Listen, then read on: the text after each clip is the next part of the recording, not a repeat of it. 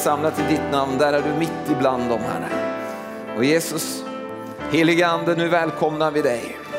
Vi välkomnar dig till att komma över ordet och göra det levande för varje person som lyssnar Herre. Och helige Ande, jag ber om att var och en ska få en egen predikan Herre, in i sitt liv Herre. Som de kan applicera och, och använda i sitt liv Herre. Jag ber om det i Jesu namn och jag överlåter mig nu Herre till att vara en kanal för dig idag Herre. I Jesu namn. Och allt folket sa Amen, halleluja. Tack ska ni ha lovsångare. Ja, jag ser alltid fram till att få lov att predika. Idag så känner jag att jag har fått budskap eh, på mitt hjärta just eh, om en sak som, som jag brinner väldigt för. Det är ju så ofta att Gud använder ju, vi är ju lite olika. Så ofta så talar jag om eh, liksom samma grejer och andra talar om andra grejer. Så ni får bara ta det så. Det är så där Gud använder olika till att få fram olika saker. Ehm, jag, jag, jag blev så påmint om, Karin sjöng ut det här också om, att, eh, om pappa. Och att eh, just, och jag förstår från Lukas 15. Och jag kände också att just den här berättelsen som Jesus berättar i, i Lukas 15, där Jesus, Jesus talar om eh, den här pappan som hade två söner. Och där den eh, ena av sönerna han, han eh, ville ha sitt arv. Och han gick till pappa och sa, jag vill ha jag vill ha mitt arv. Kan jag få mitt arv? Jag vill ha det. Ja, ja, okej. Okay. Och så står det att pappan delade sin egendom mellan dem. Och så for den här sonen iväg och han slösade bort arvet och det var liksom, ja ni vet, det är ofta den sidan där vi pratar om. Eh, att han, han levde i synd och så till slut så kom han tillbaka och Pappan tog emot honom med så öppna armar. Han till och med, det står att pappan han, han såg honom långt borta. Antagligen så var pappan hela tiden upptagen. Var är han? Var är han? Han kommer nog snart. Var är han? Och det är sån han är. Sån är Gud. Och det Kari sjöng ut här också. Att Gud han, han går där och bara längtar efter människor. Han älskar människor så. Så han tittar efter dem. Åh, åh. Och, så, och så plötsligt en dag så kommer de. Och pappa bara men så var det ju den andra sonen och det, det är han som jag ska prata lite om. Han, han, blev, han, blev, han tyckte inte det här var något kul. För, för det som pappan gjorde var ju att han, när, pappan kom, eller när sonen, den här andra sonen kom hem då, så ställde han i ordning en riktig fest. Då blev det kalas. Då slaktade de gökalven och de riktigt serverade den bästa maten. Och liksom, och den här, den här andra sonen han kommer hem och så upptäcker han då, liksom, eh, att det är fest. Vad är det som händer? Och så hör han det. Ja, det är den här, eh, din bror har kommit hem. Vad då? Varför, varför ska vi fira det? För det som han, det som han, han hade ett litet problem, den här hemmavarande sonen. Och det var att han inte hade på något sätt varit medveten när pappan delade arvet. Och vi ska ta och läsa vad som står här. Ehm, och jag ska börja min predikan utifrån det här, det här ordet. Ska vi se, I Lukas 15. Han säger så här i vers 29. Han svarade sin far, här är jag. Här har jag alla dessa år slavat under dig och aldrig överträtt ditt bud och mig har du aldrig gett ens en killing så att jag kunde vara glad med mina vänner. Men när han där kommer hem, din son som har gjort slut på vad du ägde tillsammans med horor, då har du för hans skull slaktat den gödda kalven. Ja, ja, det, man kan ju, om det här hade varit verkligheten så, så ser man ju att ja, det var ju orättvist där om, om det hade varit liksom sant det han säger. Men då säger fadern till honom, fadern sade till honom, mitt barn, du är alltid hos mig och allt mitt är ju ditt. Och det här hade inte han hemmavarande sonen fått med sig.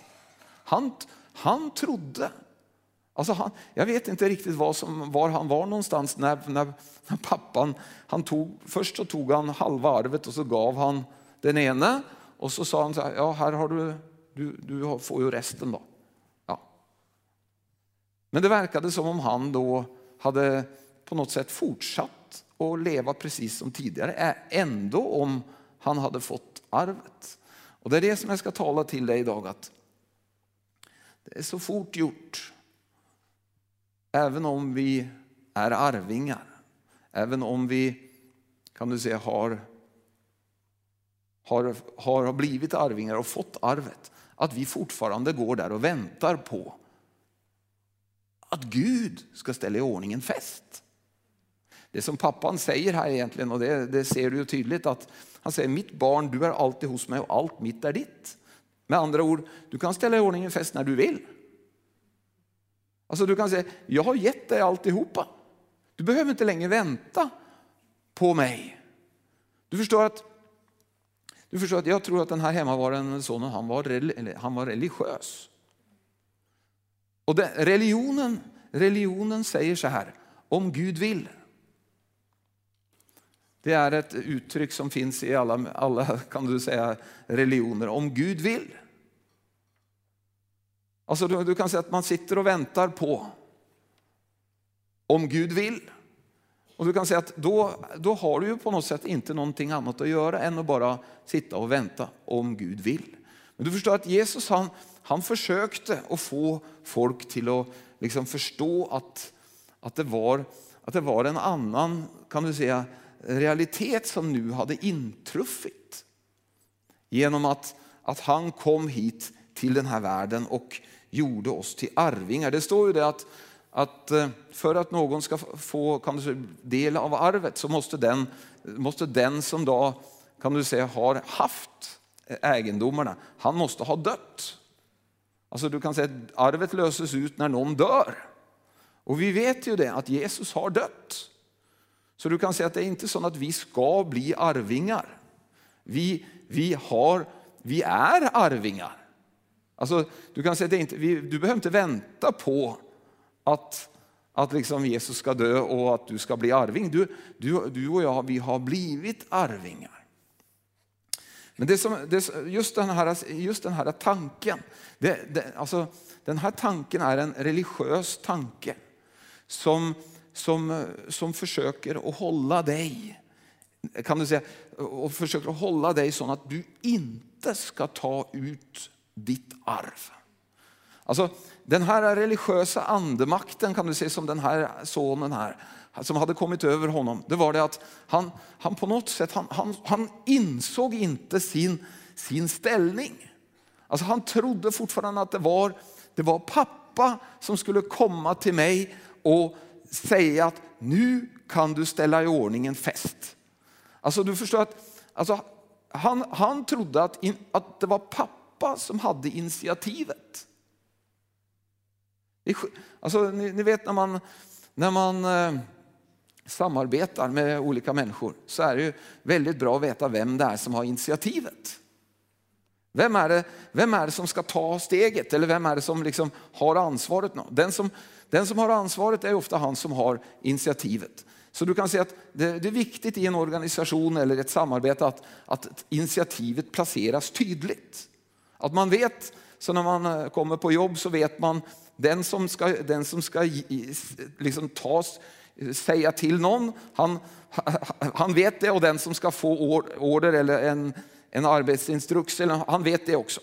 Och du förstår att så är det att Gud han har, han har gjort någonting fantastiskt. Och vi, ska, vi, ska, vi ska börja här nu med den här tanken och så ska jag föra dig vidare till, till eh, om du följer med mig till andra Korinthierbrevet, det sjätte kapitel. Och vers 1 så står det så här, alltså det är Paulus som talar. Paulus han förkunnade Jesus och eh, han, var, han var väldigt frimodig när han, när han predikade. Så står det så här, som medarbetare så uppmanar vi er också att ta emot Guds nåd så att den blir till nytta. Han säger ju, jag bönhör dig i rätt tid och jag hjälper dig på frälsningens dag. Och så säger, säger han då, se nu är den rätta tiden. Nu är frälsningens dag. Och du kan säga att det som, det som är här är ju det att det Paulus förklarar det är att det hände någonting. Det, alltså det, det finns en historisk händelse som har, som har på något sätt ändrat på kan du säga, initiativet. Alltså vem det är som har initiativet. Innan, innan den här historiska händelsen så var det så att, det var så att eh, eh Gud, eh, Gud hade initiativet. Ehm, man kunde inte helt veta när, när liksom man kunde komma till Gud och när man kunde be eller när man kunde räkna med att få bönesvar. Men sen så händer det någonting och det är det Paulus citerar här. Se nu är den rätta tiden. Nu är frälsningens dag.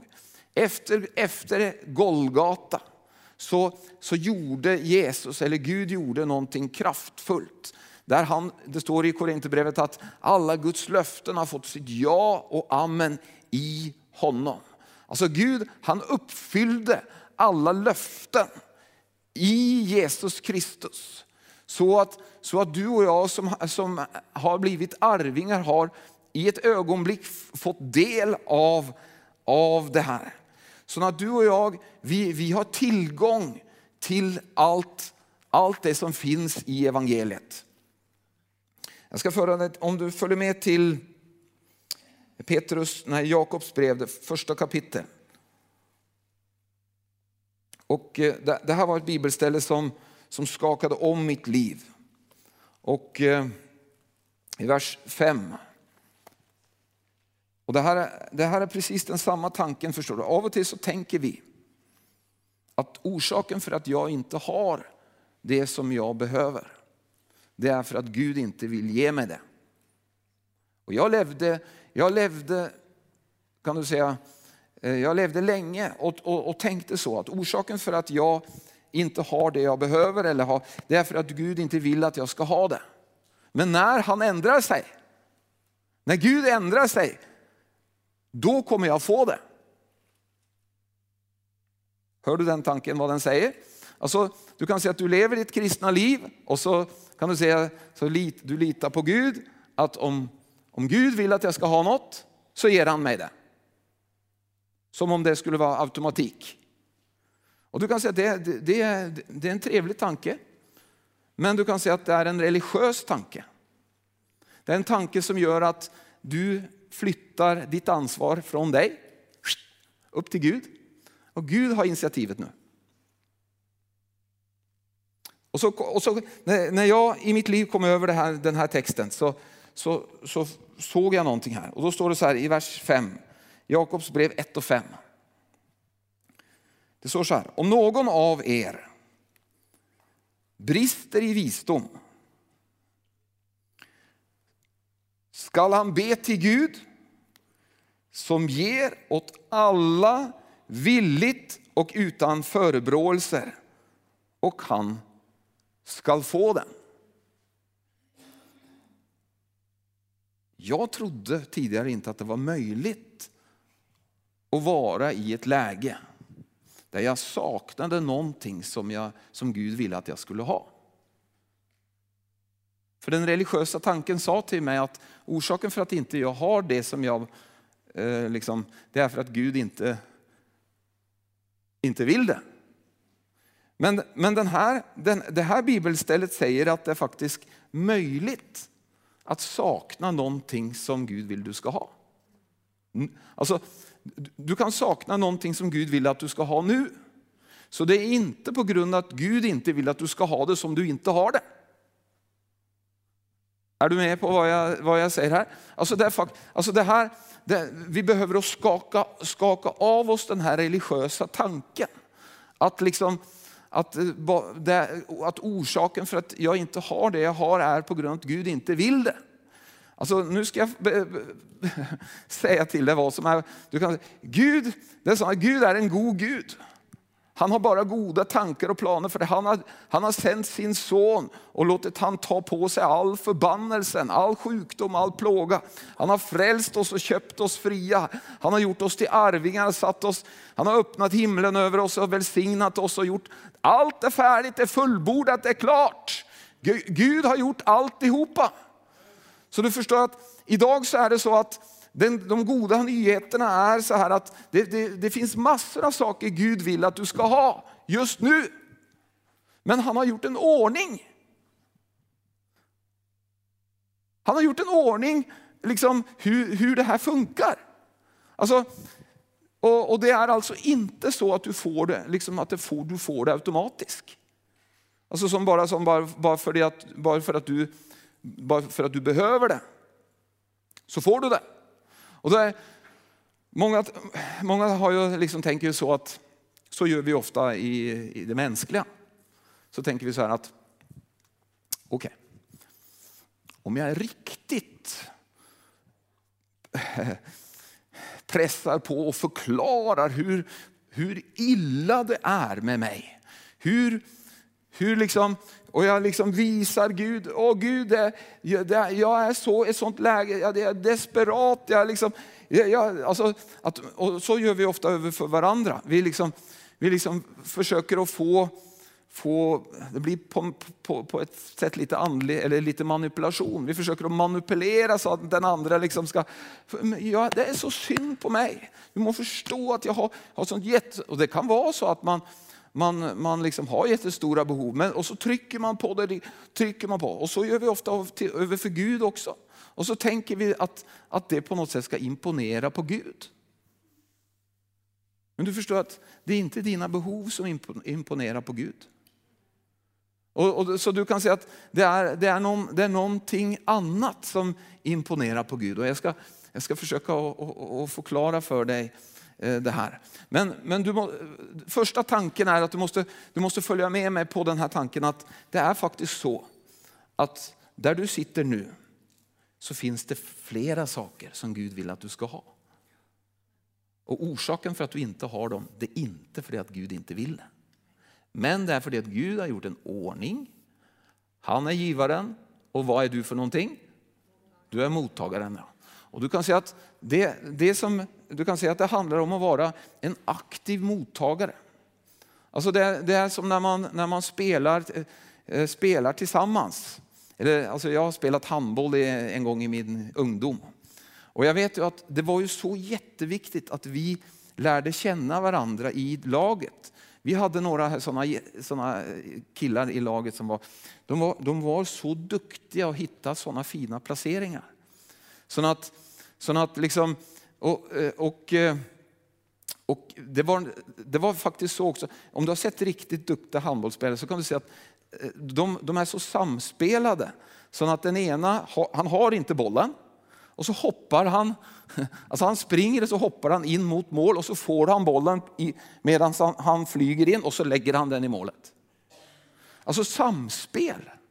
Du kan se samspel, och det är det, vi, det är det vi pratar om här. Alltså det, Gud önskar ett samspel mellan dig och honom. Och, men han vill att du ska förstå, i första eh, måste du förstå att, att han har, genom det Jesus har gjort så har han lagt initiativet hos dig och mig. Så du kan säga, den tanken om att det faktiskt är så att du, du behöver inte försöka ändra Guds vilja. För du kan se, det var det som är den religiösa tanken på något sätt. Att om du tror att, att orsaken för att du inte har det som du behöver är för att Gud inte vill det. Då, då måste du be så att, du, att dina böner ska ändra Guds vilja.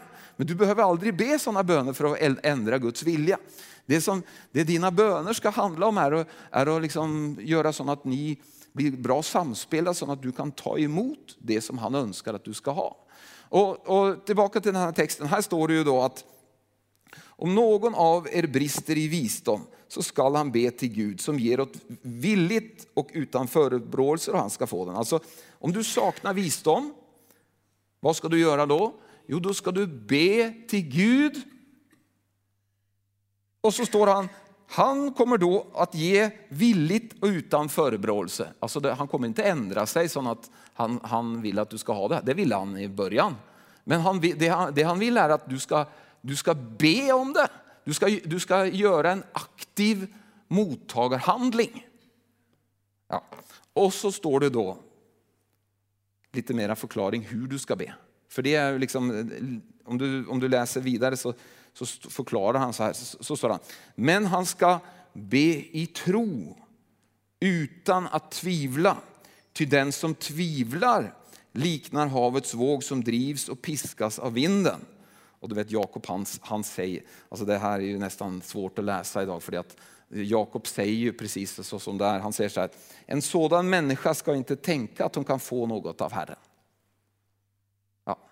Så du kan säga att eh, alltså, det han säger är att det här måste du göra, du måste be i tro.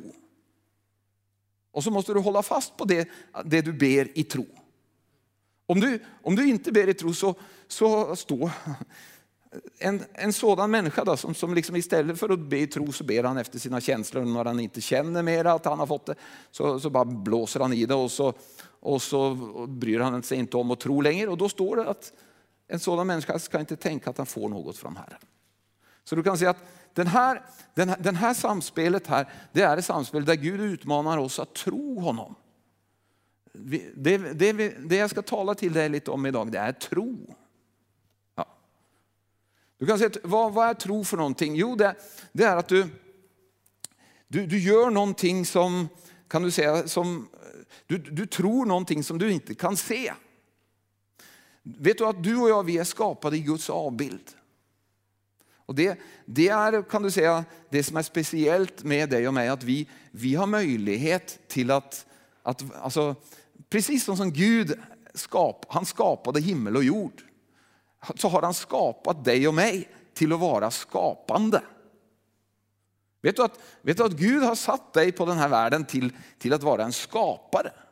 Han vill att du ska skapa saker runt omkring dig. Alltså där, och, och, för att du skulle kunna göra det så skapade han dig i sin avbild. Alltså han, han tittade i spegeln när han gjorde människan och så, och så, och så, och så formade han människan i sin avbild med, med de samma förmågorna som, som han själv hade.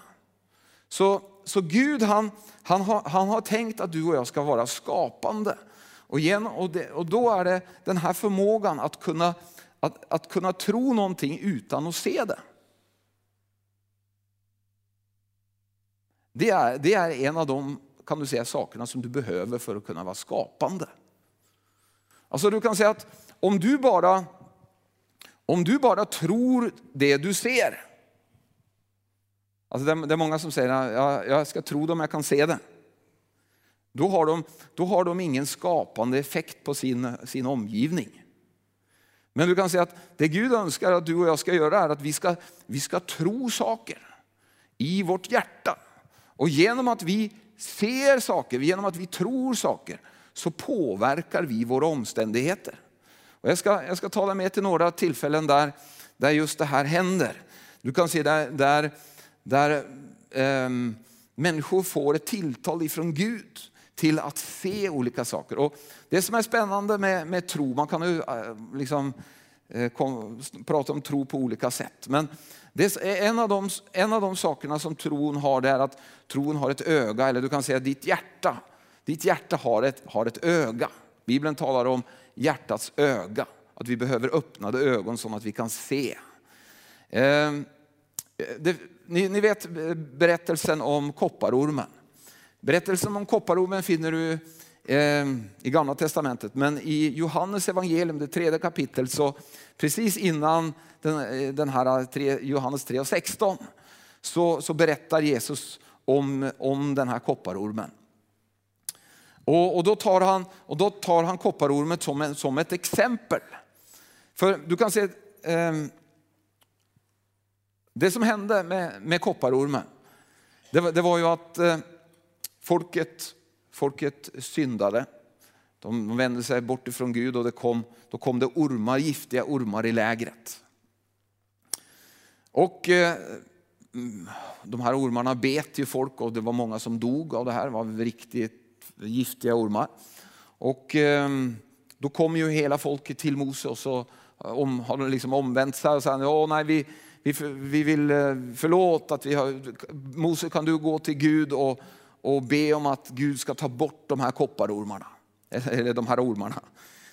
Och eh, Mose går in till Gud och står in inför Gud och så ber han, Gud kan inte du ta bort de här ormarna? Men då istället för att Gud säger, liksom fixar och bara tar bort koppar, eller eh, ormarna, så, så, så, ger, så ger Gud Mose ett uppdrag. Så säger han så här, du ska, du ska ta och eh, sätta upp, göra en orm som ser ut precis som de här ormarna som, som ni, ni har fått i lägret. Du ska, och så ska ni spik, du ska spika upp den på en påle. Alltså eh, den, den här eh, ormen ska spikas på en påle och så ska man hissa upp den här ormen mitt i lägret. Och om någon då blir biten av en orm så ska de vända sig och så ska de se på kopparormen och så ska de bli vid liv. Och det var precis det som hände. Alltså så du kan se att när Mose hade lyft upp den här ormen, alltså det var ju, du kan säga det var ju, en, det var ju inte då en levande orm, det var en, det var en orm som, som var tydligt död. Den var spikrad, alltså det var ett, ett tecken på att, att du kan säga att orm, gift, eller makten i den här ormen är bruten. Och så, och så var beskeden att de skulle titta på kopparormen och det var det de gjorde. De som då valde att vän, göra som ordet sa och vände sig och tittade på kopparormen, de blev vid liv. De andra som inte gjorde det, de fick ingen verkan av det här ordet, kan du säga, så de dog. Och, så, och, och då, då tar Johannes, eh, i, Johannes evangel, i Johannes evangelium så står det att på samma sätt som som Mose lyfte upp kopparormen i öknen så ska människosonen lyftas upp. Och så säger han, för att var och en som tror på honom inte ska gå förlorad utan ha evigt liv. Och du kan säga att eh, i, i kop, berättningen om kopparormen så står ingenting om tro. Det står att man bara ska se. Men i Johannes evangelium så står det, så, så, så, så säger på samma sätt så ska den som den som tror på honom. Alltså, så du kan säga att det som egentligen står här i Johannes evangelium är att han, han gör ett, en jäm, en, ett likhetstecken med att, att se och tro. Se om du kan klara att få med den här äh, tanken. Alltså, så du kan säga att eh, ditt, ditt inre kan du säga, fokus, det är, på, det är på något sätt ditt, ditt tros öga. Eh, hur, hur gör man när man ska tro? Jo, man, man, fäster, man fäster sitt inre öga på, vad, eh, alltså på det, det man ska tro. Det är, det är inte tillfälligt att det står att ha blicken fäst vid Jesus som är trons upphovsman och fullkomnare. Vad är det, vad är det man gör? Jo, man, man fokuserar på, alltså med mitt inre så fokuserar jag på vad har Jesus gjort för någonting? Han dog på korset, han tog förbannelsen på sig, han tog all synd, all sjukdom. Alltså, du kan säga att det, det är det jag gör när jag tror. Alltså jag, jag vänder blicken mot det och så håller jag fast vid det på, oavsett vad mina omständigheter säger. Alltså så du kan säga att genom, genom att du fäster ditt inre öga på, på det du bestämmer dig för att liksom fästa blicken på, det är det du tror på. Förstår ni att, liksom, att det är så det funkar? Du kan, alla människor har möjlighet till att, till att se någonting annat inuti sig än de ser utanför. Och det, det är det som, det är när, man, när man lever i tro, vad betyder det för någonting? Jo, det betyder att man, man ser någonting annat här inne än det man ser här ute. Jag ser att jag är helad i Jesus sår. Ja, det är ont i, ont i foten eller det är ont i kroppen. Liksom. Men jag ser det här. Jag, jag väljer att se på det ordet säger. Det står ett väldigt känt bibelord i Ordspråksboken är eh, Ordspråksboken 4.20. Där står det så här, min son akt på mina ord, böj ditt öra till mitt tal. Mist dem inte ut av syne. Alltså, Tappa inte mitt ord bort ifrån ditt inre öga. För du kan säga, det som, det som du fokuserar på i ditt inre, det är på något sätt det som det du tror på. Eh, och, då, och, så står det att, att från, bevara ditt hjärta framför allt som bevaras, för, ut, ty från det utgår livet. Alltså, så du kan säga att eh, när du och jag håll, kan du säga, vi, vi tror på vad Guds ord säger. Och vi har ordet inom oss och vi fäster blicken på det och vi tittar inte på omständigheterna. Liksom. Så är det så att vi på något sätt aktiverar tro. Och det, var, alltså det, det, det här hållit Jesus på med hela tiden. Och det var ju det som var att han, liksom var, han var chockerande på folk. Han, han, han, liksom, så kommer det, i Markus 9 så en berättelse om en man som har en son som ja, han, han var sjuk. Och, och eh, han ofta fick sådana här attacker och han, han, kom till, han kom till Jesus, eller kom till lärjungarna för att, att de skulle bota den pojken. Men de klarade inte att göra något åt det. Och så kommer ju Jesus då.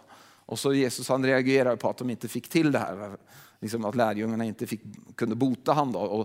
men så, så kommer den här eh, liksom, eh, pappan till Jesus till slut. Och så, och så, och så när Jesus börjar fråga hur länge har han haft det här? Och så, jo, och så, och så eh, om, om du förmår att göra någonting, kan du, kan du göra någonting?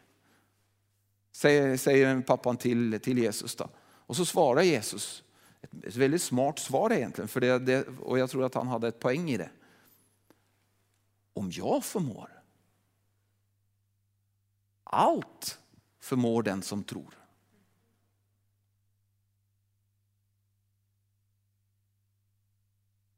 Alltså det finns ingen begränsning för vad den som tror kan åstadkomma. Alltså du kan säga att den som tror, om du följer den tanken som jag hade här tidigare, att vad är det att tro? Jo, du ser någonting. Du ser någonting i ditt Och Jag tror att det var Jesus det, det var Jesus gjorde när han, när han bad för den här pojken. Han, Jesus använde sin tro helt enkelt. Han, när Jesus när Jesus la sina händer på honom, eller, eller om det, jag kommer inte ihåg om han talade, eller, så, så såg Jesus den här pojken bli helad. Eh, I sitt inre. Och nu blev han ju det också direkt. Liksom. Men det är ju andra om vi bara går två kapitler lite längre i Markus, till Markus 11, så har vi en, en, också en annan eh, situation där Jesus talar om tro. Och jag, och jag, jag, tror att Jesus han, han, han försökte hitta ett bra exempel för sina lärjungar hur han skulle, liksom, hur han skulle få till det här. Jag, måste, hur ska jag, och jag tror han gick och pratade lite, lite med Gud. Liksom så här, hur, ska, hur ska jag få dem till att... Liksom, har, har du något tips? Hur ska jag lära, hur ska jag lära dem nu att, att istället för liksom bara att de ska gå och liksom vänta på att saker ska hända. Liksom, få, hur ska jag få dem ut ifrån den här religiösa bubblan? Du kan tänka dig, det var, det var en religiös, de, bodde, de levde i en sån religiös omgivning. Det var väldigt religiöst. Alltså, så den här tanken om att Gud, ja om Gud vill så. Liksom. Och, så och så kommer Jesus till ett fikonträd. Och så är det inga, inga frukt, frukt på trädet. Och så, och så ser Jesus, ja, här har jag ett tillfälle. Och så, och så står det att Jesus talade till trädet och förbannade och sa att på dig ska, inte, du ska, ska det inte finnas någon mer frukt. Och så, han, han, han gjorde inte det liksom sån, att han höll på trädet och sa tyst. Så han, han sa det så högt så alla lärjungarna hörde vad han sa. Ja, så gick de därifrån och dagen efter så kommer de tillbaka. Och Petrus han kom ihåg det som hände. Och så går de förbi det där trädet och så ser Petrus att trädet har vissnat ifrån roten. Och och Petrus blir ju helt liksom, Jesus, titta, titta, titta på det, det trädet som du förbannade igår. Det har, det har vissnat ifrån roten. Är det inte fantastiskt? Och så, och så säger Jesus så här, så säger han så här, tro på Gud. Eller Kenneth Hagin och eh, säger i sin bok, eh, eller i flera av hans böcker, att det, det ordet där kan översättas också ha den, samma tro, ha den samma typ av tro som Gud har. Alltså ha Guds tro. Eller, ja. Men i alla fall, och det Jesus säger då att, och så, och så säger han så här, eh, om någon säger till detta berg, lyft dig upp och kasta dig i havet. Och om han inte tvivlar i sitt hjärta utan tror det han säger så skall det ske. Sannolikt säger jag, tro att ni har fått det och ni skall få det. Alltså Jesus tar den där tillfället till att förklara för, för honom att det är faktiskt så att du och jag, vi kan ändra på våra omständigheter. Vi kan flytta berg och kasta dem i havet. Hur, hur gör man? Hur, hur gör man? Jo, man gör precis så som Jesus gjorde. Vad gjorde Jesus? Jo, det står att han, han talade till trädet. Och när Jesus talade till trädet, i samma ögonblick som han talade till trädet med auktoritet, så såg han med sitt inre öga hur det trädet vissnade ifrån roten. Sen så kommer han tillbaka dagen efter. Och Petrus är liksom högt där uppe, men för Jesus så har han redan sett det där trädet vissnade. Det trädet vissnade. I hans hjärta, i, i, med hans tro, så såg han det där trädet vissna igår. Så du kan säga det, det, det trädet höll på att vissna en dag innan de kom tillbaka. Men för, för, Jesus såg det där och då. När Jesus talade så, så tog Jesus emot det, det, att det där trädet vissnade. Och så säger Jesus de här orden. Han säger så här, tro att ni har fått det så skall ni få det. Och du förstår att det här, det här är en, en sanning som du måste få tag i. För att det är, om du ska bli en sån här mottagare som tar emot saker som Gud vill att du ska ha, så behöver du att börja tro att du har fått saker innan du ser det. Jag, jag brukar, tidigare så talade jag mycket i, om kollekt i det här och så sa jag att du kan bli magnetisk. Du kan säga att på ett sätt så är, så är det så att, eh, i, att om du tror att du har någonting, om du tror att du har någonting nu, alltså inte tro att du ska få någonting imorgon, men att du tror att du har, har någonting nu, då är du magnetisk med det som du tror att du har. Och det var det Jesus var också när han, när han talade till trädet och såg trädet dött. Så var Jesus, alltså, du kan se Jesus, det var Jesu, det var Jesu tro i hans inre som, som fick det där trädet till att vissna från roten. Det var, det var ingen tillfällighet att, att det vissnade. Så det var helt enkelt Jesus, Jesu tro kan du säga, på att det redan hade skett. Det var det som fick det till att ske. Och du förstår att det som händer när du, när du tror att du har fått någonting, det är att du blir magnetisk. Det här som du har i ditt inre, det börjar att Alltså, det som är lite dumt är att jag, som, jag kan inte förklara för dig vad det är som händer. Jag, jag, jag kan anta att det som händer är att änglarna sätter igång att Guds ande verkar, eller men i varje fall det som händer är att det sätter igång.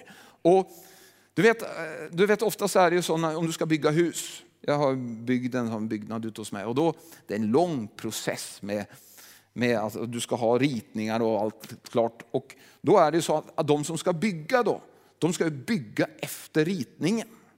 Och du kan säga om du tänker det med, om du bara följer den här bilden då, att på något sätt din tro i ditt inre, det är den ritningen som, som eh, om det är änglarna eller vem, vem det är nu som håller på och jobbar med saken. Det står ju att änglarna, änglarna är Guds andar som är sänt ut till tjänst för dem som ska ärva frälsning. Så om du tänker så här att det kommer in, kommer in en ängel här och så ser han, och så säger han, oj du har en ritning i ditt hjärta och du tror på den. Då säger, då säger oh, wow, nu, tar vi, nu fullbordar vi det där. Alltså, och du kan säga att det står ju också att vi ska, ta, vi ska tala ut, det var ju det Jesus också gjorde, han talade ut det han hade i sitt hjärta. Så om änglarna ser ditt hjärta eller om du måste tala ut, det, det är jag inte helt säker på. Men jag, jag tror att det är, alltså, eller jag vet att det som händer, alltså, jag, i, i bibelskolan så brukar jag undervisa om det som heter napptro. Och då, då, alltså jag har kommit till det att, att det, det blev sån stor skillnad när jag började tro att jag hade fått det. Alltså, det, eh, grejen var att vi hade, vi hade tre små barn. Alla var sådana här eh, nappbarn som vi var tvungna att ha napp för att sticka i munnen på dem för att få dem tysta på kvällen. Och så... ja, och då vet ni vad, eh, det hände ju många gånger liksom att var är nappen? Var är nappen? Vi sökte igenom hela huset, bilen, överallt. Nappen var borta. Och jag bad till Gud, Gud var är nappen? Men ingen, det hände ingenting, jag fick, fick, ingen hjälp. Jag var tvungen att åka iväg sent på kvällen och, och köpa nya nappar. Och det hände, hände, så många gånger. Och till slut så, till slut så tänkte jag, ja, men gör jag något fel? Ber jag på fel sätt? Vad, vad, vad är grejen? Liksom? Och så fick jag den här liksom uppenbarelsen att jag måste ju tro att jag har fått det jag bett om. Och så började jag, så jag ändrade lite på bönen. Och, så här. Eh, och jag bad, alltså istället för eh, Herre hjälp mig, så bad jag trons bön, kallar vi det. Alltså trons bön är som bön som du, du tror att du får det när du ber om det. Du får det inte när du får det, men du får det när du ber om det. Ja. Och den står i första Johannes brev 5, femte kapitel om det. Att denna frimodige tillit har vi till honom att när vi ber om något som är efter Guds vilja, då vet vi att han hör oss och då vet vi att vi redan har fått det vi har bett honom om. Så jag började att praktisera det istället. Och det som hände var att jag hittade nappen. Och, och det var inte bara liksom, det var inte tillfälligt, det funkade igen och igen. Så jag märkte, det är en skillnad. Alltså, det är skillnad på att be till Gud och, liksom, och ropa hjälp mig, än att säga så här, ja, Gud jag behöver hitta nappen. Amen, tack Gud för att, jag, att du har hört min bön. Du förstår det att du kliver över och börjar tro att du har fått det. Det är en jättestor skillnad. Och du kan säga att jag, jag, känner att jag har det här budskapet idag. Jag tror att Gud har på sitt hjärta att du ska kliva över från att liksom bara, bara desperat ropa till honom eller, eller vara i den situationen som den här hemmavarande sonen. Du, du desperat liksom ropar, Gud varför, varför, varför, varför händer ingenting? Be till Gud och ta emot i tro. Alltså Gud är för dig. Han har, han har gjort det svåra, det är liksom, ta emot i tro, tro att du har fått det. Det som händer, det kommer till att hända då, är att du, det kommer till att bullra i anden och det kommer till att ske.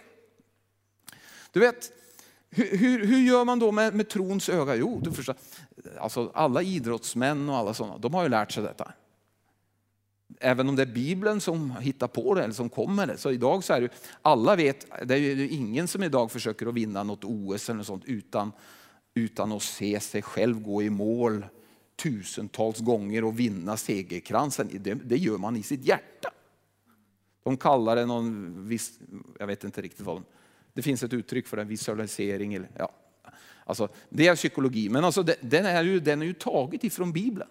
Vi tror att vi har fått det innan vi... Alltså, det är ju inte så att vi tror att vi har fått det innan vi har fått det, för, för vi får det när vi ber till Gud om att få det. Så vi, men du kan säga att det, vi tar emot det i tro. Det betyder att vi, vi ser det i vårt inre.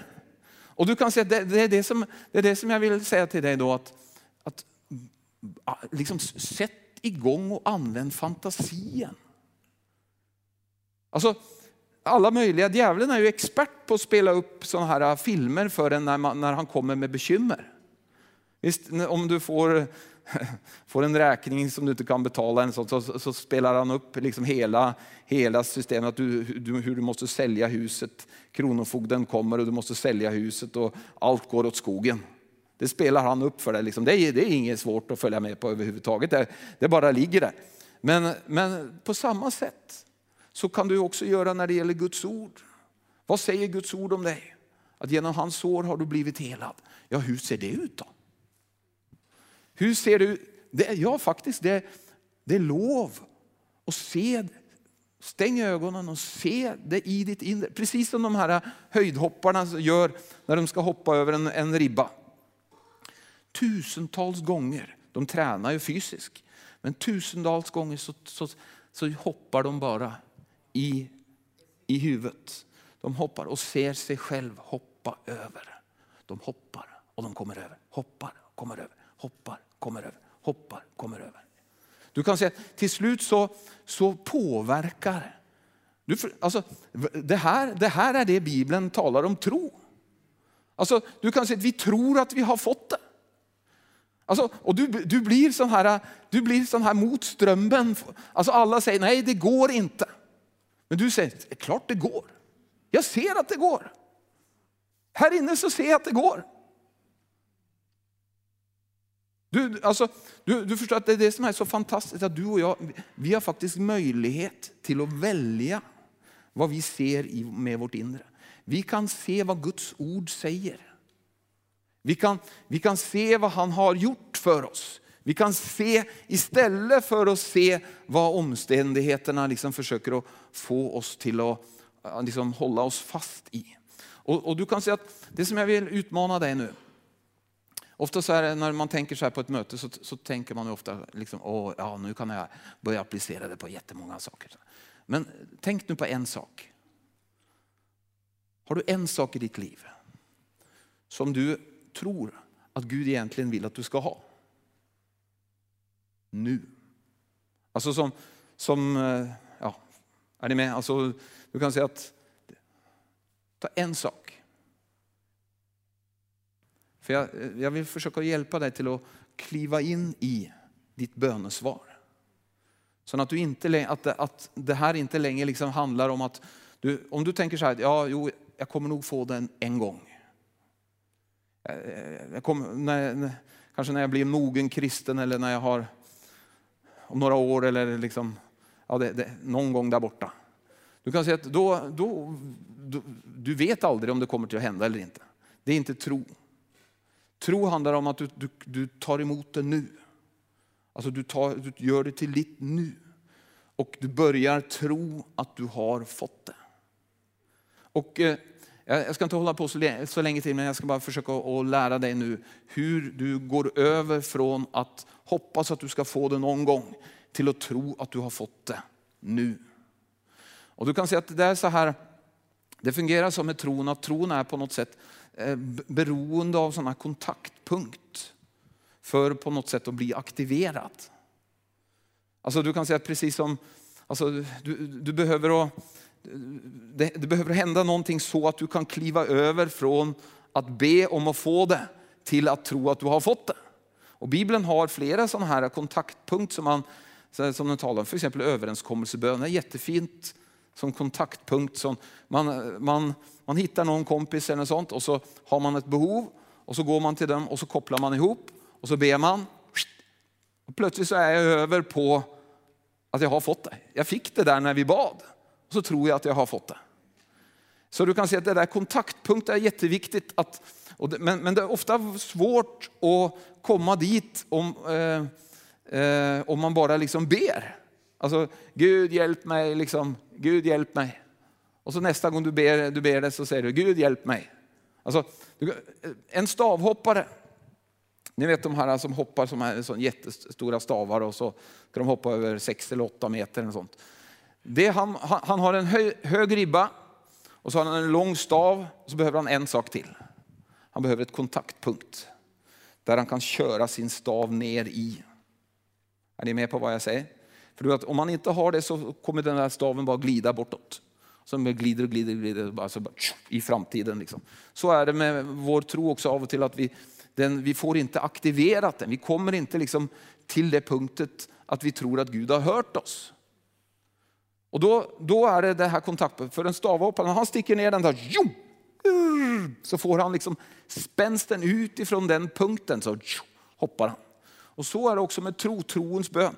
När Jesus talade till trädet så var det en kontaktpunkt. Han, han talade. Det kan man också göra om man talar till sjukdom. Men det som, det som är grejen då, då tror man att det händer när man talar. Så när man är färdig att tala så tror man att det har skett. Och poänget är egentligen, det, det är egentligen lika stor poäng att du tror efter att du har talat att det har skett. Är ni med på vad jag säger? Du kan se det som händer i det här kontaktpunktet är att du aktiverar din tro.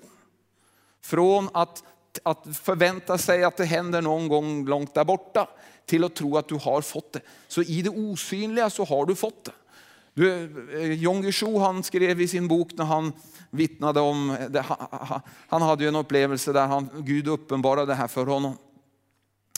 Och så skulle han börja, innan så hade han inte fått till det här att be för saker, men så, så visade Gud eh, det här för honom. Och då, då, det som han gjorde, och det vill jag också att du ska göra, att du ska sätta upp ett tydligt mål.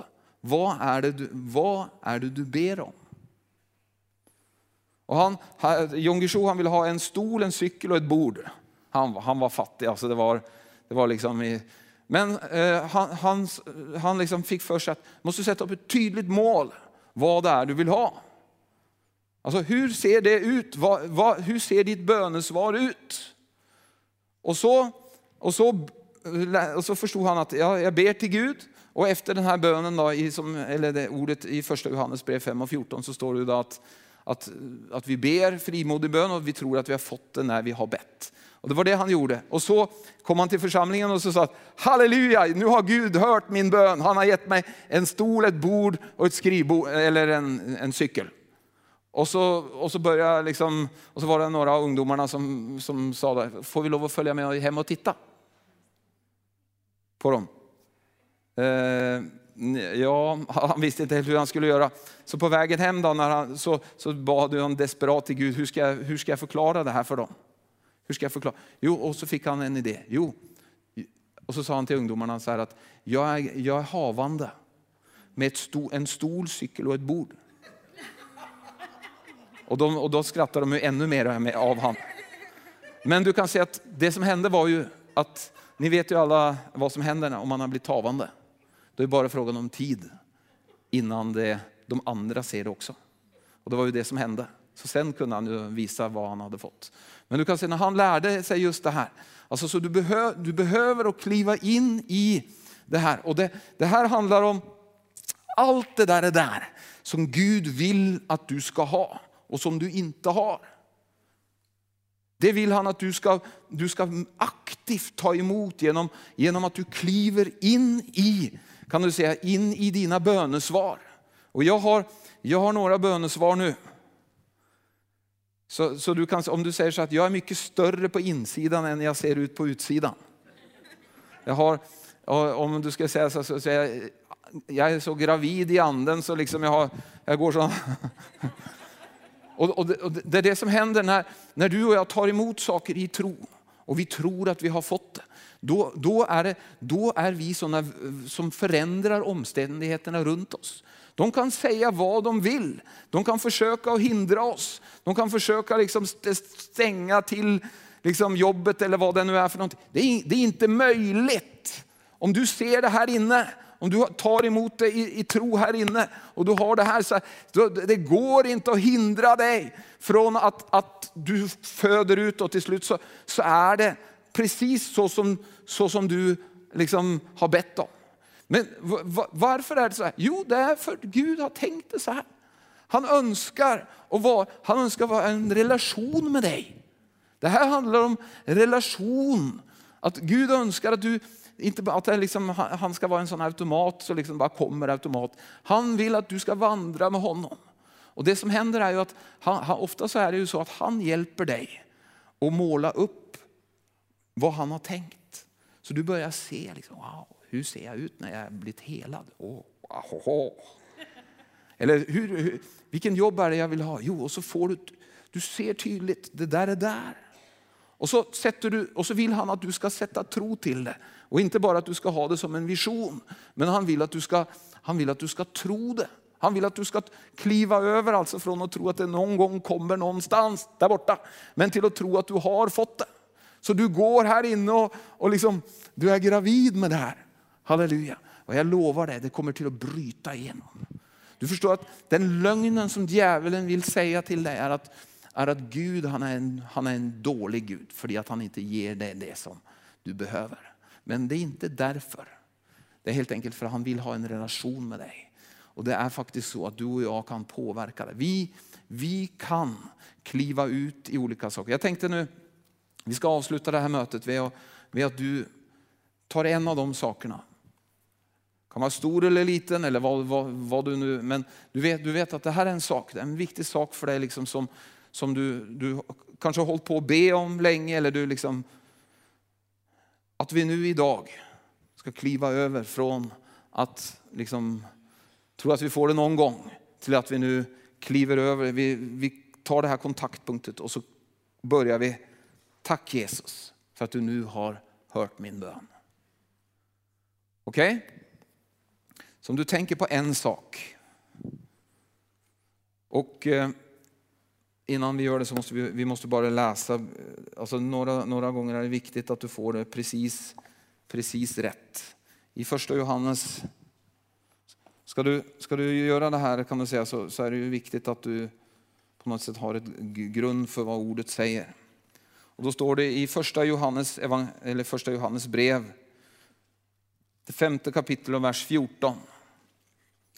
Så står det så här, och detta är den tillit vi har till honom. Att om vi ber om något efter hans vilja så hör han oss. Och när vi vet att han hör oss, vad vi än ber om, så vet vi också att vi redan har det som vi har bett honom om. Så du ser här att när, när är det du får bönesvar? Titta i, i, i den, eh, titta, vad, när står det att du får bönesvar? Och när vi vet att han hör oss vad vi än ber om, så vet vi också att vi redan har det som vi har bett honom om.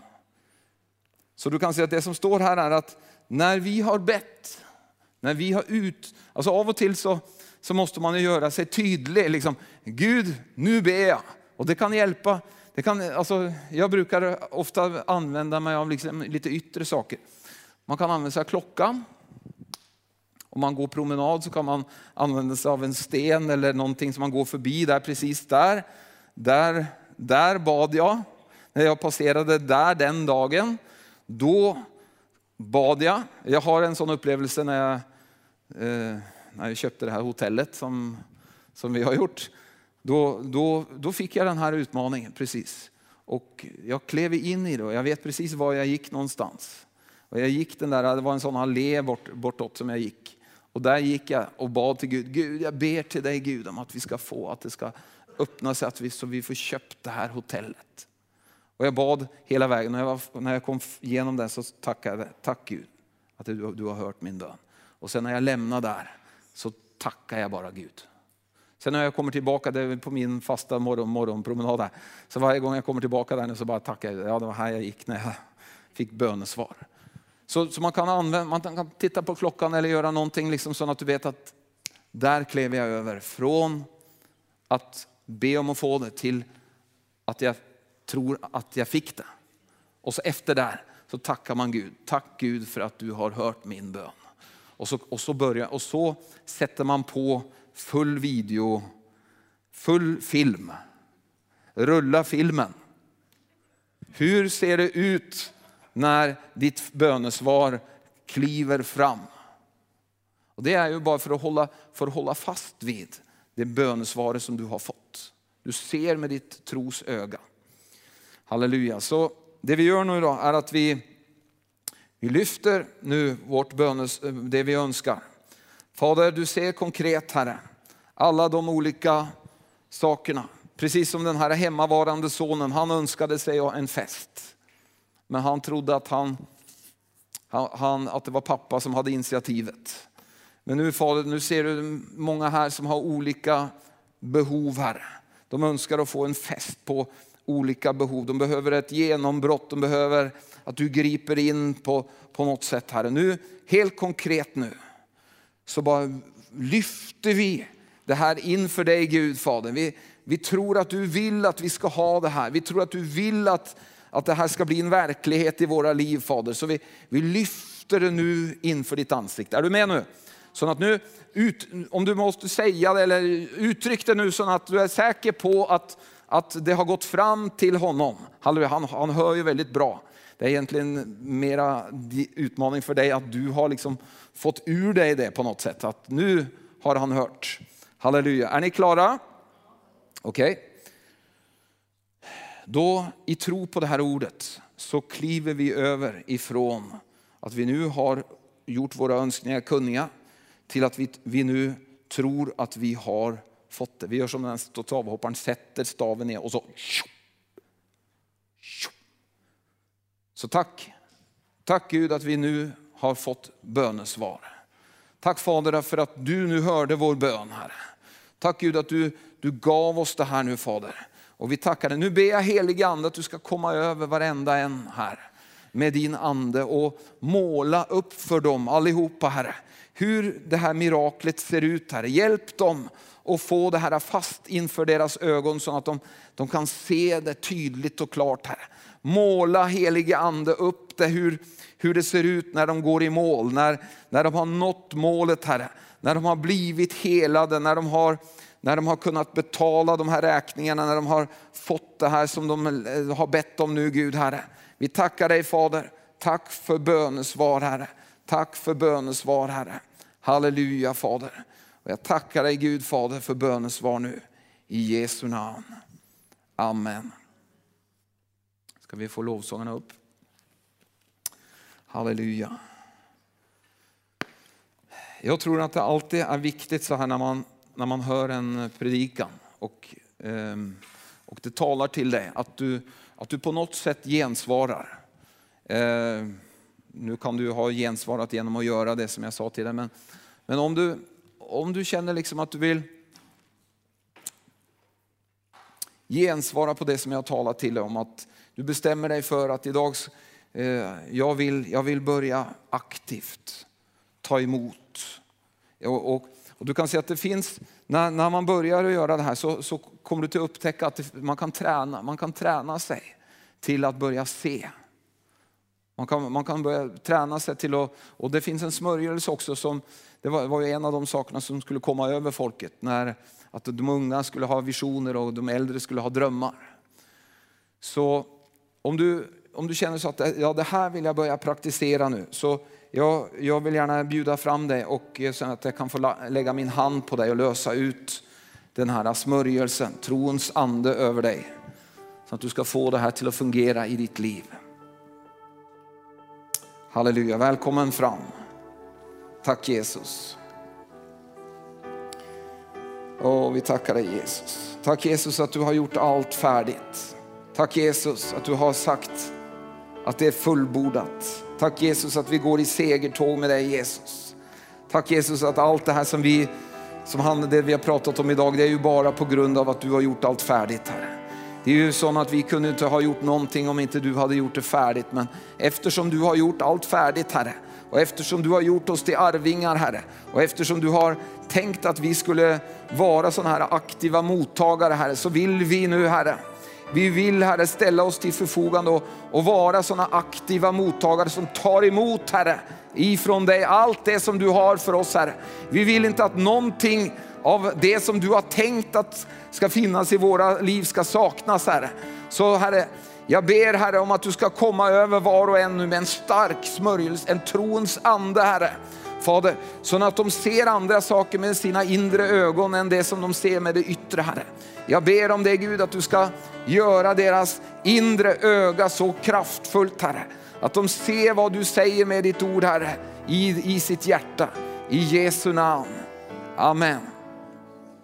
Eller så tar du bara emot i tro. Du, du behöver inte känna någonting eller som du bara helt enkelt bara tänker så att när jag lägger min hand på dig så, så bara rycker du det till dig och så tar du det.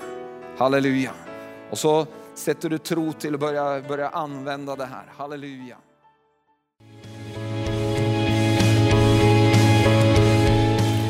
Tack för att du har lyssnat. Vill du få del av mer information om församlingen Arken, vår helande tjänst, bibelskola och övriga arbete, gå in på www.arken.org.